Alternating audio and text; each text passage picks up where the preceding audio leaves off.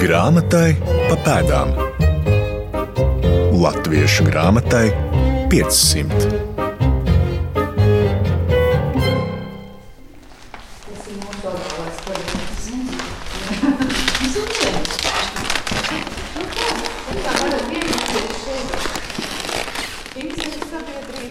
Rīgas vēstures un kuģniecības muzeja darbiniece Ingrīda Lukaševiča pavada uz kolonu zāli, jo tieši šajā zālē veselu gadsimtu atradusies Rīgas pilsētas bibliotēka. Tai bijušas vēl citas telpas, vesels komplekss. Mēs, kas nākam caur Rīgas vēstures un kuģniecības muzeju un atveram kolonu zāles durvis, esam citi, jo arī nokļūšana bibliotēkā tolaik bijusi pa citiem ceļiem.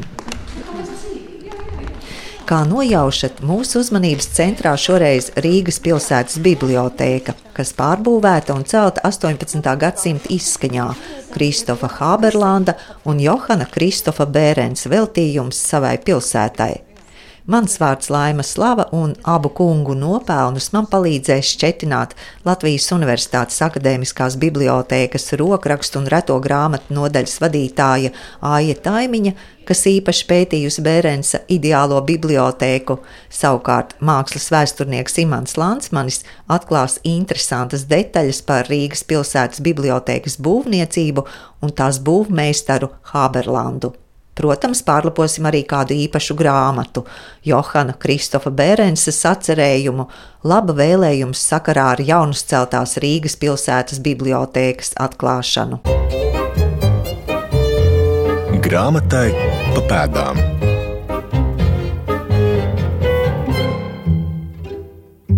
Sākotnēji pilsētas bibliotēka atradusies zālē pie Doma krustejas, kur tā darbojusies kādus 300 gadus. Tomēr bibliotēkas krājumam paplašinoties, auga nepieciešamība pēc jaunām telpām. Ir saglabājušās Rīgas rātes rēķinu un protokolu grāmatas, un tajās pietiekami daudz ziņu, kā deviņu gadu laikā Rīgas rāte finansējusi bibliotēkas būvēšanu. Āja Taimiņa vispirms vērš uzmanību kādam svarīgam faktam. Nevar pateikt ļoti precīzi, vai bibliotekas jaunā zāle ir gatava 1787. gadā, vai varbūt tomēr pilnībā pabeigta 792. gadā. Šis datums nav bijis svarīgs laika biedriem. Par to nekāda liecība nav. Bet skaidrs ir viens. Līdz 2014. gadam šī ir vienīgā Rīgas pārziņā esošā publiskā telpa, kas ir īpaši būvēta bibliotekas vajadzībām no 2014. gads LNB, gaismas pils, bet līdz tam viss pārējais ir bijis tikai pielāgošana, un piemērošana un izlāpīšanās. Un šis Haberlanda projektētais skaistais komplekss nav jau tikai viena telpa, viena, tas ir vesels telpu komplekss. Pilsētas biblioteka jau nav tikai grāmatu krātuve. Pilsētas biblioteka tās ir projekta autora un iedvesmotāja un šīs idejas uzturētāja Johana Kristofa Bērensa skatījumā nav grāmatkrāto. Tas ir templis zinātnei, mākslai un izzināšanai. Un, ja mums ir tik izcila persona kā Johans Kristofs Bērens Rīgā bijis, tad pilnīgi skaidrs ir, ka viņš bija tas cilvēks, kurš uzturēja šo bibliotekas pārbūves un celšanas ideju. Un tā ir ideja par to, kā zināšanas, kas ir iemiesotas grāmatās, un vēl arī kolekcijās, un vēl arī mākslā, kalpo pilsētai, kalpo kopīgajam labumam. Un tā ir ļoti liela, skaista, pārliecinoša apgaismības laikmeta ideja. Zināšanas, kas kalpo sabiedrībai un šī gadījumā Rīgas pilsētā. Šī ir urbānā tradīcija, un tā ir pilsētas biblioteka. Un Bērns tā ir veltījis daudz domu, daudz laika. Un tā realizācija mūs pārliecina. Bērns domas par ideālo bibliotēku paturpināsim nedaudz vēlāk. Bet kā veicies ar nama realizāciju, lai to skaidrotu, sazinos ar Imantu Lānsmani? Ja mums tagad liekas, ka mūsdienās viss ķerās un, un grūti un tā tālāk, Tad jāsaka, ka tajā laikā tas bija vēl sarežģītāk, bija tādi paši iepirkumi, ja precīzāk konkursi. Un ar savām problēmām, savu kaut kādu iespaidošanu, lobbyismu un tā tālāk. Tagad to ir ļoti interesanti paskatīties arī no tāda sadzīviskā viedokļa. Bet katrā ziņā prieks ir tas, ka viss tā rezultātā varēja tapt viena ļoti skaista zāle, un ka jaunais mūrnieku meistars Kristofs Haberlands varēja sevi apliecināt šādā lielā, publiskā un nozīmīgā objektā. Vai tas bija tajā laikā viņa viens no pirmajiem lieliem projektiem? Tieši tā, un visaugstākā mērā. Jo iedomājieties, 778. gada sākumā viņš atgriežas no eh, garā vandera zelēšanas, kā toreiz teica, ceļojuma pa Eiropu. Tas nozīmē, ka astoņas gadus vajadzēja viņam kā zelim pavadīt Eiropā, lai visu ko mācītos. Viņš atgriežas tātad Rīgā, viņš tiek uzņemts par mūrnieku meistaru, viņš iegūst Rīgas pilsētas pilsoņtiesības un uzreiz metās pie sacensības ar Rīgas pilsētas būvdirektoru Šķirmeistaru. Un šis šurmeistars, viņš nāca no Saksijas, bija bijis Kuzems Hercoga arhitekts, un tagad viņš ir Rīgas pilsētas būvdirektors, bet jau cilvēks nedaudz gados, un izveidojās interesanta situācija, kur var runāt to, ko es teicu par lobismu. Jo šurmeistars pārstāv tādu vēlīnā baroku stilu, un Kristofs Gabelants ir ieradies no ārzemēm ar ļoti moderniem priekšstatiem. Un viņam Rīgas tādā apgaismības loka cilvēku vidē, kur tur ir Rādskungs Bērents un Rādskungs Klaco, ir tādi atbalstītāji, kuri bīda viņa projektu. Un ļoti ātri šim meistara projekts tiek paziņots par nederīgu, tiek izsludināts konkurss, kurā uzvar Haberlands. Kas ir tas jaunais, tas neparastais, tas uh, avangardiskais, ko viņš uh, šajā projektā mums uh, piedāvā? Nu, pirmkārt, jau tas, ka vispār top tāda liela um, parana sabiedriskā telpa, kas tiem laikiem jau Rīgā, kas ir ļoti tāda pilsoniska un atļautos teikt arī provinciāla vide, kur galvenais ir tirgotāji un viņa intereses un tāda samērā sīkpilsoniska vide, var parādīties tomēr kaut kas tāds ar vērienu, un ko lielā mērā, protams, nosaka arī tam fonā esošie brīvmūrnieki. Un to vidū visīpaši Johans Kristofs Bērens, kas ir viss šīs ieceres bidītājs. Jā, tātad jaunais eh, ir tas, ka Kavalants izveido šeit pie tam ne tikai zāli, izveido kompleksu ar telpām, jo blakām ir eh, paredzēts arī palīgi telpas, precīzāk arī ar tādu zinām muzeja raksturu, tāds sautais naturālī kabinets, un pie tam Haberlands ir iecerējis arī no ārpuses visu šo te bloku, moderno klasismu arhitektūras bloku, iebūvēt vecajā viduslaicīgajā doma klosterī. Bet nu, šīs idejas arī rīznieku taupīguma dēļ tiek apcirptas un tāpēc fasāde uh, kas iziet uz doma dārziņu. Haberlanda laikā paliek ļoti primitīva un nepabeigta. Un viņam izdodas realizēt tikai ļoti skaistu klasicistisku zelmini, kuru var redzēt nu, no ārpuses un tādā ļoti spēcīgā rakursā un īstenībā nevar pat novērtēt. Un Protams, telpa ar savām 36 kolonām, nu, tiem laikiem ir kaut kas neiedomājams varants. Būtībā tas nav nekas jauns. Haberlands to ir redzējis Vācijā, un eh, piedāvām arī Johans Kristofs Bērens to bīdi savā ziņā jau kādā programmātisku ideju, ka biblioteka pirmkārt vispār grāmata ir apgaismības laika, varētu teikt, tāds fetišs, un tad viņai jābūt ārkārtīgi svinīgai. Un interesanti ir tas, vienīgi, ka pašas kolonas top samērā vēlu. Top tad, kad e, jau ir darbi ļoti tālu pavirzījušies uz priekšu.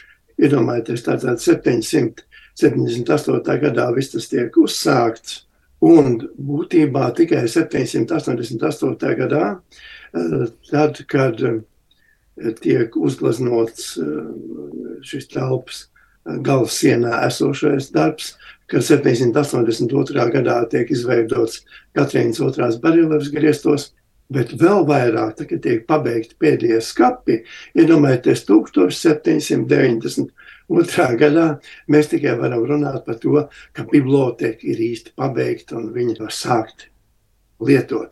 Tagad tas ir rādi, ka tajā laikā arī nevis gāja tik ātri un gludi, kā to varētu domāt. Izpētes augsne. Latviešu grāmatai 500 aiz ir trepas. Mēs abas ar Aiju Taimiņu mēģinājām restaurēt, kā 18. un 19. gadsimta rīdzinieks nonāca bibliotēkā. Tas bija ceļš caur doma pagalmu, pa šaurām, tumšām, akmenī kaltām trepēm. Tā ieiešana bija nolējusi no doma pagalma, pa tām trepēm uz augšu. Iet, iet, iet, iet nonāk tur, kur ir telpa, tur, kur ir tas publiskais gars, tā, tā apaļā telpa. Tur bija jāvar saprast, ka tu esi nonācis vidē, kur valda gan veco laiku tradīcija, gan jauno laiku, moderno laiku apgaismības likuma gars. Vai tā interjera ideja tā arī bija Haberlanda, vai tur bija vēl citi? Nu, katrā ziņā tas, ka viņam šai telpai jābūt reprezentablai, tas noteikti nāk no Johana Kristofa Bērens, kā tāds uzstādījums, bet pašas kolonnas nāk stipri vēlu, 36 kolonnas sakarā to, ka vispār sākumā Haberlands šo zāli iecer īsāku. Un tad par 24 pēdām lietojot tā laika mērvienības, viņi tiek pagarināti un top šīs 36 kolonnas, par ko Haberlands saņem 500 dālderus. Tas ir interesanti, viņš pieprasa 540 valsts dālderu.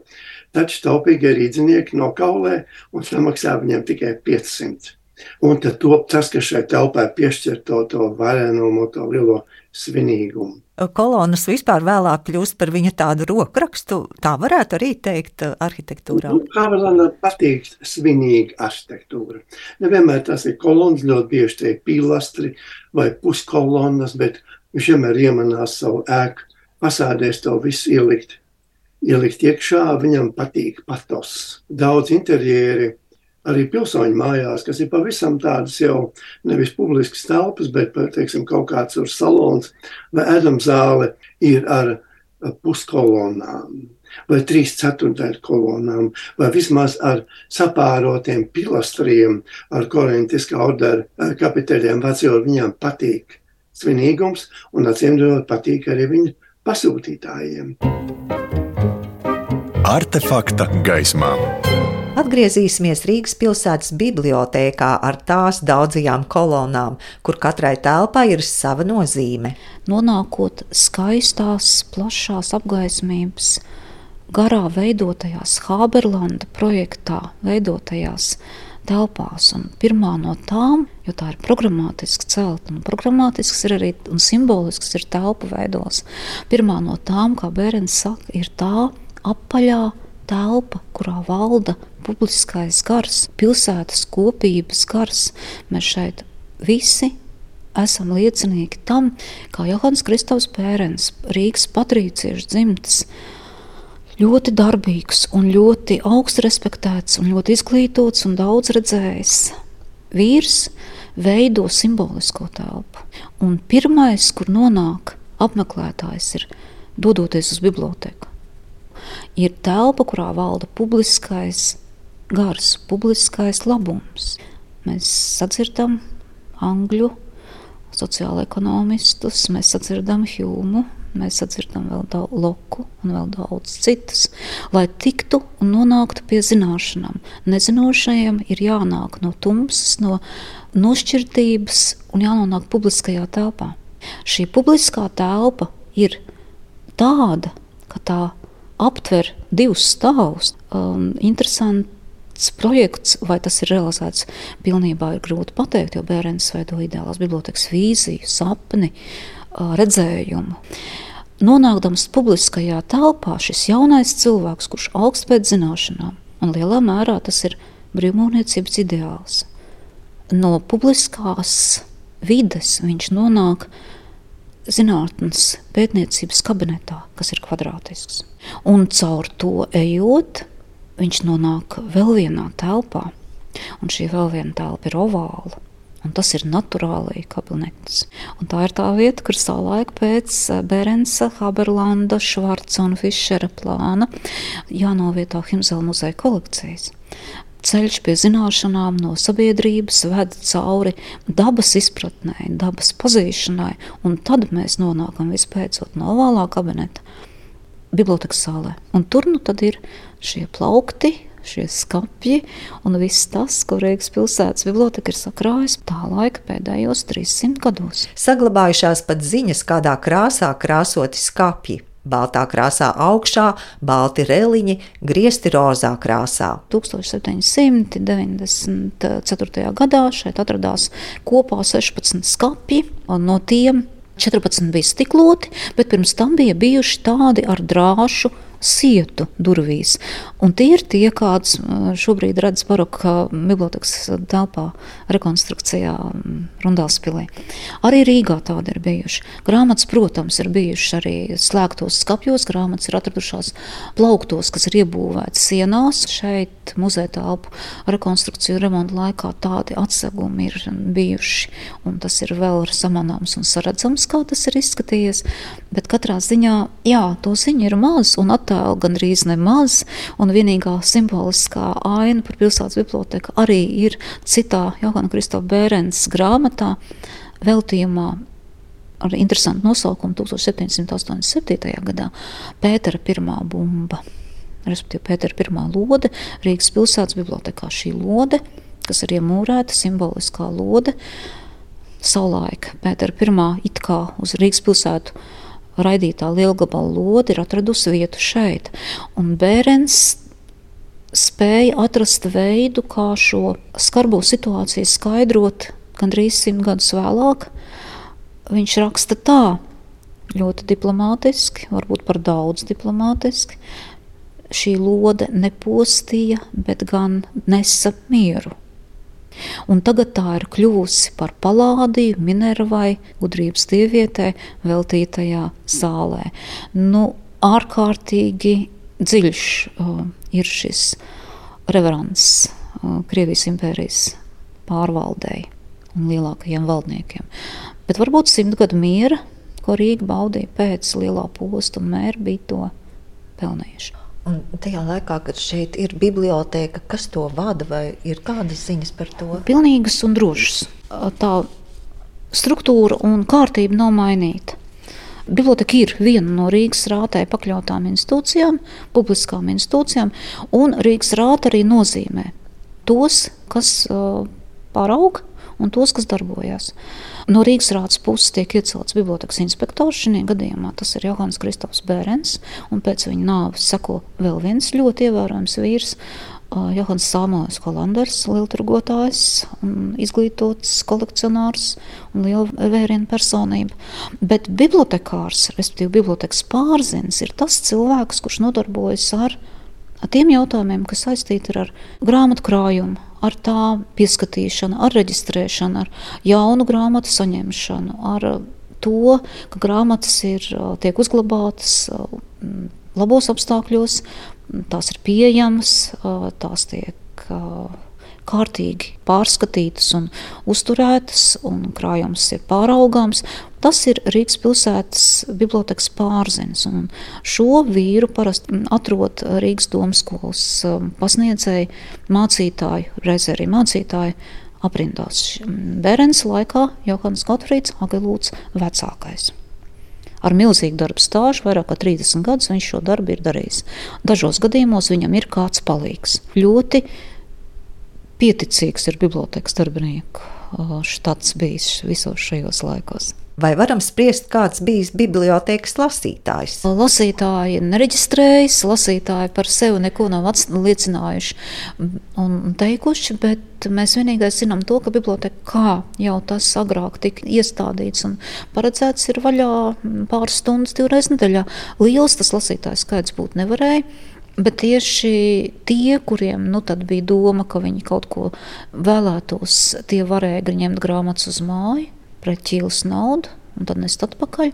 Acīm redzot, tas viss tā noritēja. Protams, mēs ar acīm iztēlojamies tādu ļoti rosīgu apgaismības laikmeta literātu un pētnieku vidi. Iespējams, ka ir bijis daudz pieticīgāk. Bet tas neizslēdz to, ka šeit uzkrājās patiešām ļoti nozīmīgs grāmatu krājums. Tāds tas ir līdz šai baltai dienai. Un te ir bijuši lielas vērtības, un tie, kas ir novēlējuši kā dāvinājumu savus grāmatas pilsētas bibliotekas labumam, noteikti te bija varējuši iedāvināt ļoti nozīmīgus un interesantus un vērtīgus iespēju darbus. Grāmatai pa pēdām.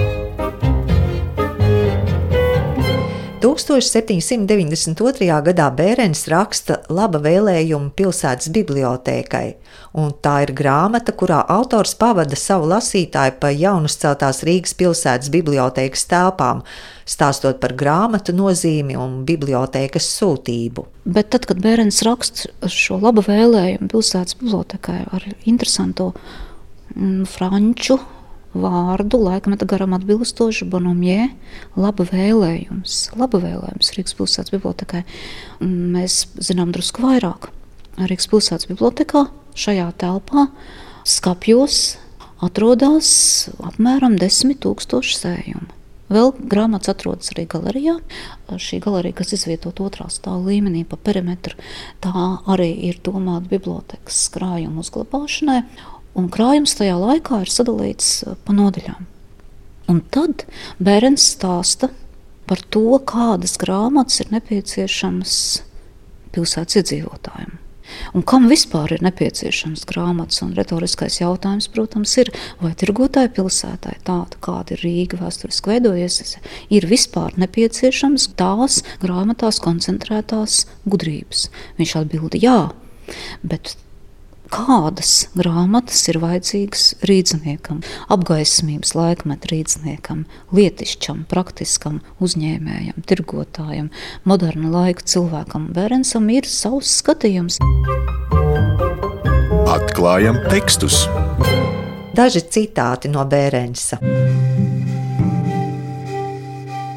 Piešķiriet pilsētniekiem tādus goda titulus, kas apliecina to darbīgumu, mērenību, kārtības mīlestību.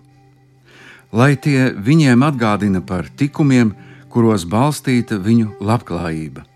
Ja darbam jānorit bez šiem pilsētas tikumiem, tikai pateicoties aklai veiksmei, slinkai viltībai, tad tas nav mūsējais. Dodiet tautai vairāk kā tikai sausu apmācību, dodiet tai izglītību, Dodiet tiem izglītību, veidojiet cilvēkus priecīgus un jutīgus. Tagad ir jāstrādā, tad tie paši kļūs strādīgi. Dodiet tiem izglītību, māciet vergus baudīt, veidojiet tiem vairāk vajadzību, kā ēšana un dzeršana, dodiet tiem vairāk no pirmā, kā no otrā.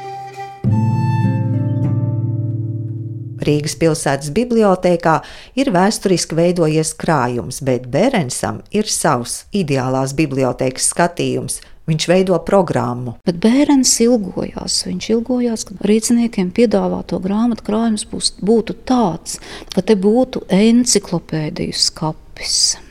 Tās ir tās pamatzināšanas tās par visu pasaules kopumu, to, kā ir veidots visums un, un dzīve un daba tām būtu jābūt pilsētas bibliotekas visnozīmīgākajai daļai. Otrai lielai sadaļai būtu jābūt grāmatām, kas ir domātas un apraksta vēsturi un tēvzemi, patriju.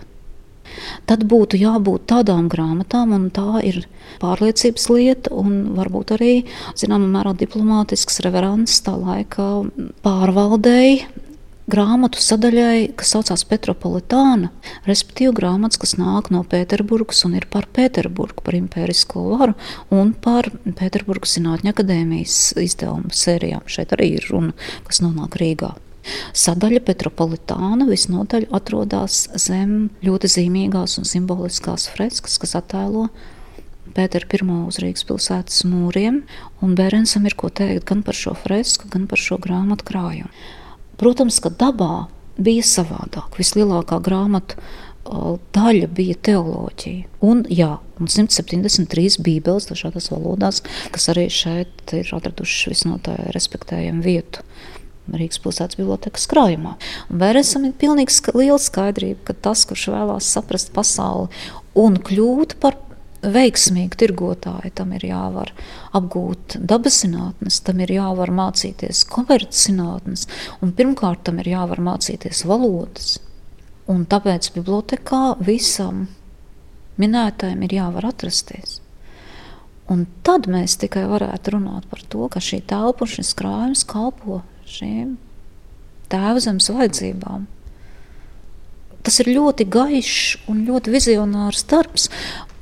Protams, mūsu laiku literāti, mūsu laiku kultūrologi visi zina Umberto Eko un Rūzes vārdu, kur biblioteka iegūst. Un šis bibliotekas labirints iegūst simbolisku tēlu, milzīgu tādu noslodzi.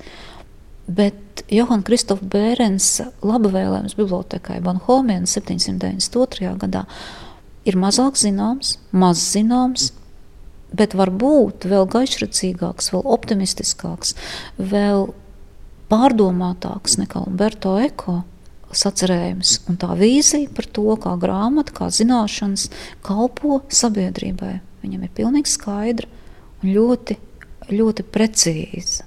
Un kur šis bērns sacerējums glabājas? Mm, iespiest, mm. iespiest. Grāmata ir 792. gadā. Viņš pats piedzīvo šīs grāmatas iznākšanu, un drīz pēc tam aiziet.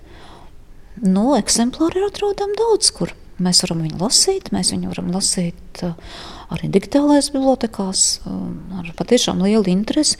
Un neviens no tiem, kas lasīs bērnu labu vēlējumu un mēģinās par to stāstīt, un runāt un domāt, nevarēs teikt, ka viņš pilnībā saprot visu šī darba visdziļākās nozīmes, jēgas, norādījumus, ieslēptos zemtekstus un to ārkārtīgi daudzveidīgo domu pasauli, ko Bērns ir vēlējies tur ieslēpt. Tā ir ļoti daudzplākšņaina, ļoti interesanta, ļoti, jā, diezgan sarežģīta un visai patētiski rakstīta grāmata.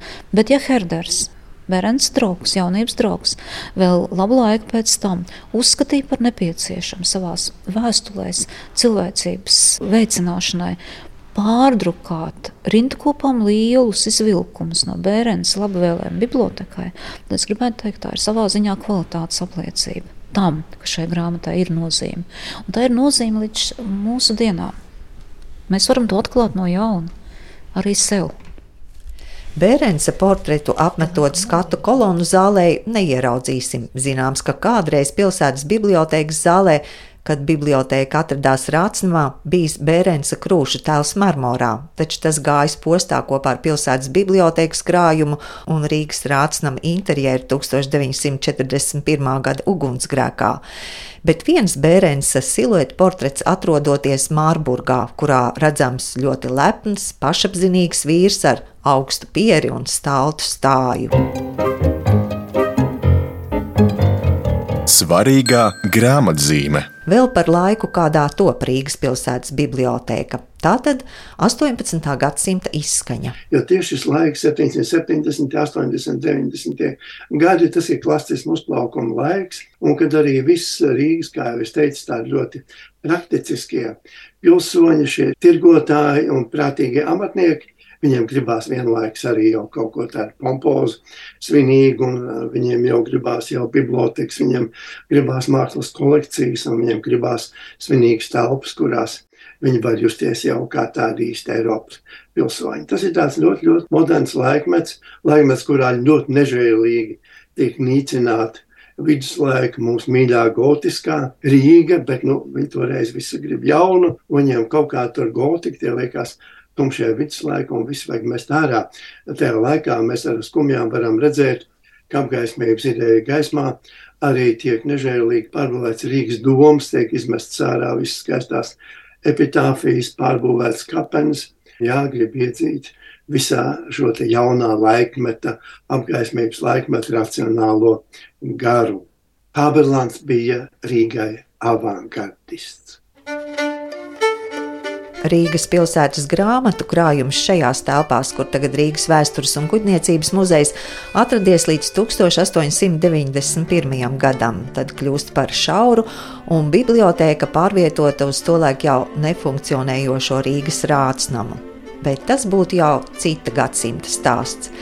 Pie Haberlanda un viņa publiskajām ēkām, tā skaitā pie Fītinhofa teātra, gan atgriezīsimies pavisam drīz. Pa 18. gadsimta Rīgas pilsētas bibliotēku mūs izvadīja grāmatniecības vēsturniece Aija Taimiņa un mākslas vēsturnieks Imants Lansmanis. Par to viņiem saku lielu paldies! Šo raidījumu sagatavoja Nora Mitspapa, Santa Lauga un Laima Slava, raidījumu padomdevējs Latvijas Nacionālā un Latvijas Universitātes akadēmiskā bibliotēka. Grāmatai pa pēdām Latviešu grāmatai 500.